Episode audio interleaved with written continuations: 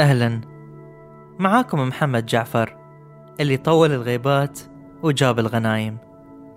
في الموسم الأول من فاصلة حكينا قصص عن شعور الغربة بكل ما فيه من تعقيدات تستمر سنين طويلة.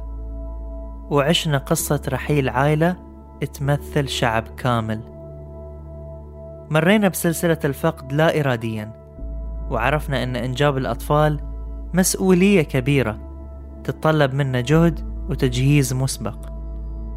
تعرفنا على الشغف في الفن والإبداع والثقافة والطبيعة.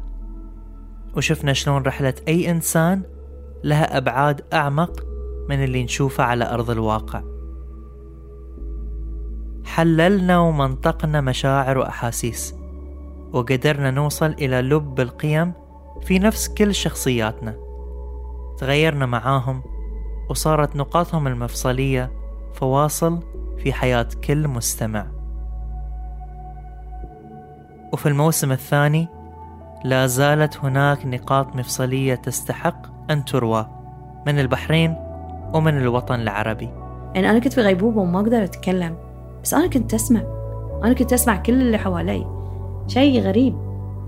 الأمل كان عندي ما بكذب عليكم 20% أنه يمكن أعيش. تميت؟ عمري كله أحاول أثبت أن أنا مو المصرف. أكثر شيء يخرعني في الحياة إني أكون هاي الشخص أكون, أكون العبء. نقاط مفصلية عن النفس عن العلاقات عن التناقضات عن الحوادث والذاكرة عن الرؤية والواقع وعن الروح والقلب. قلبي يدق بسرعة كأنه بيطلع من محله يعني. ما أقدر أتنفس أعرق راسي يدور. بقعة النظر عندي قاعدة تقل. أكثر شخص أثر فيني روحيا هو أمي. رغم أن أمي جاية من خلفية مسيحية وإلى بيئة إسلامية. بدون البصر شوف ما دام أنت ولدت وأنت من غير حاسة البصر يكون عليك الموضوع أسهل من أنك تولد وتصير يعني كفيف البصر في مرحلة ما. تغيرت الكيفية وبقي المعنى. الصيت ماله طالع برا البحرين. مو حصان أي حصان. يعني خيل إذا مسوي لي هالبطولات مو مسوينها عشان هو يسوي لا. من أجل خاطر.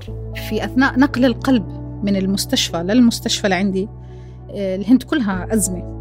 فكان القلب محتاج 45 دقيقة ليوصل وهاي مدة طويلة. انتظرونا كل أسبوعين على جميع منصات البودكاست.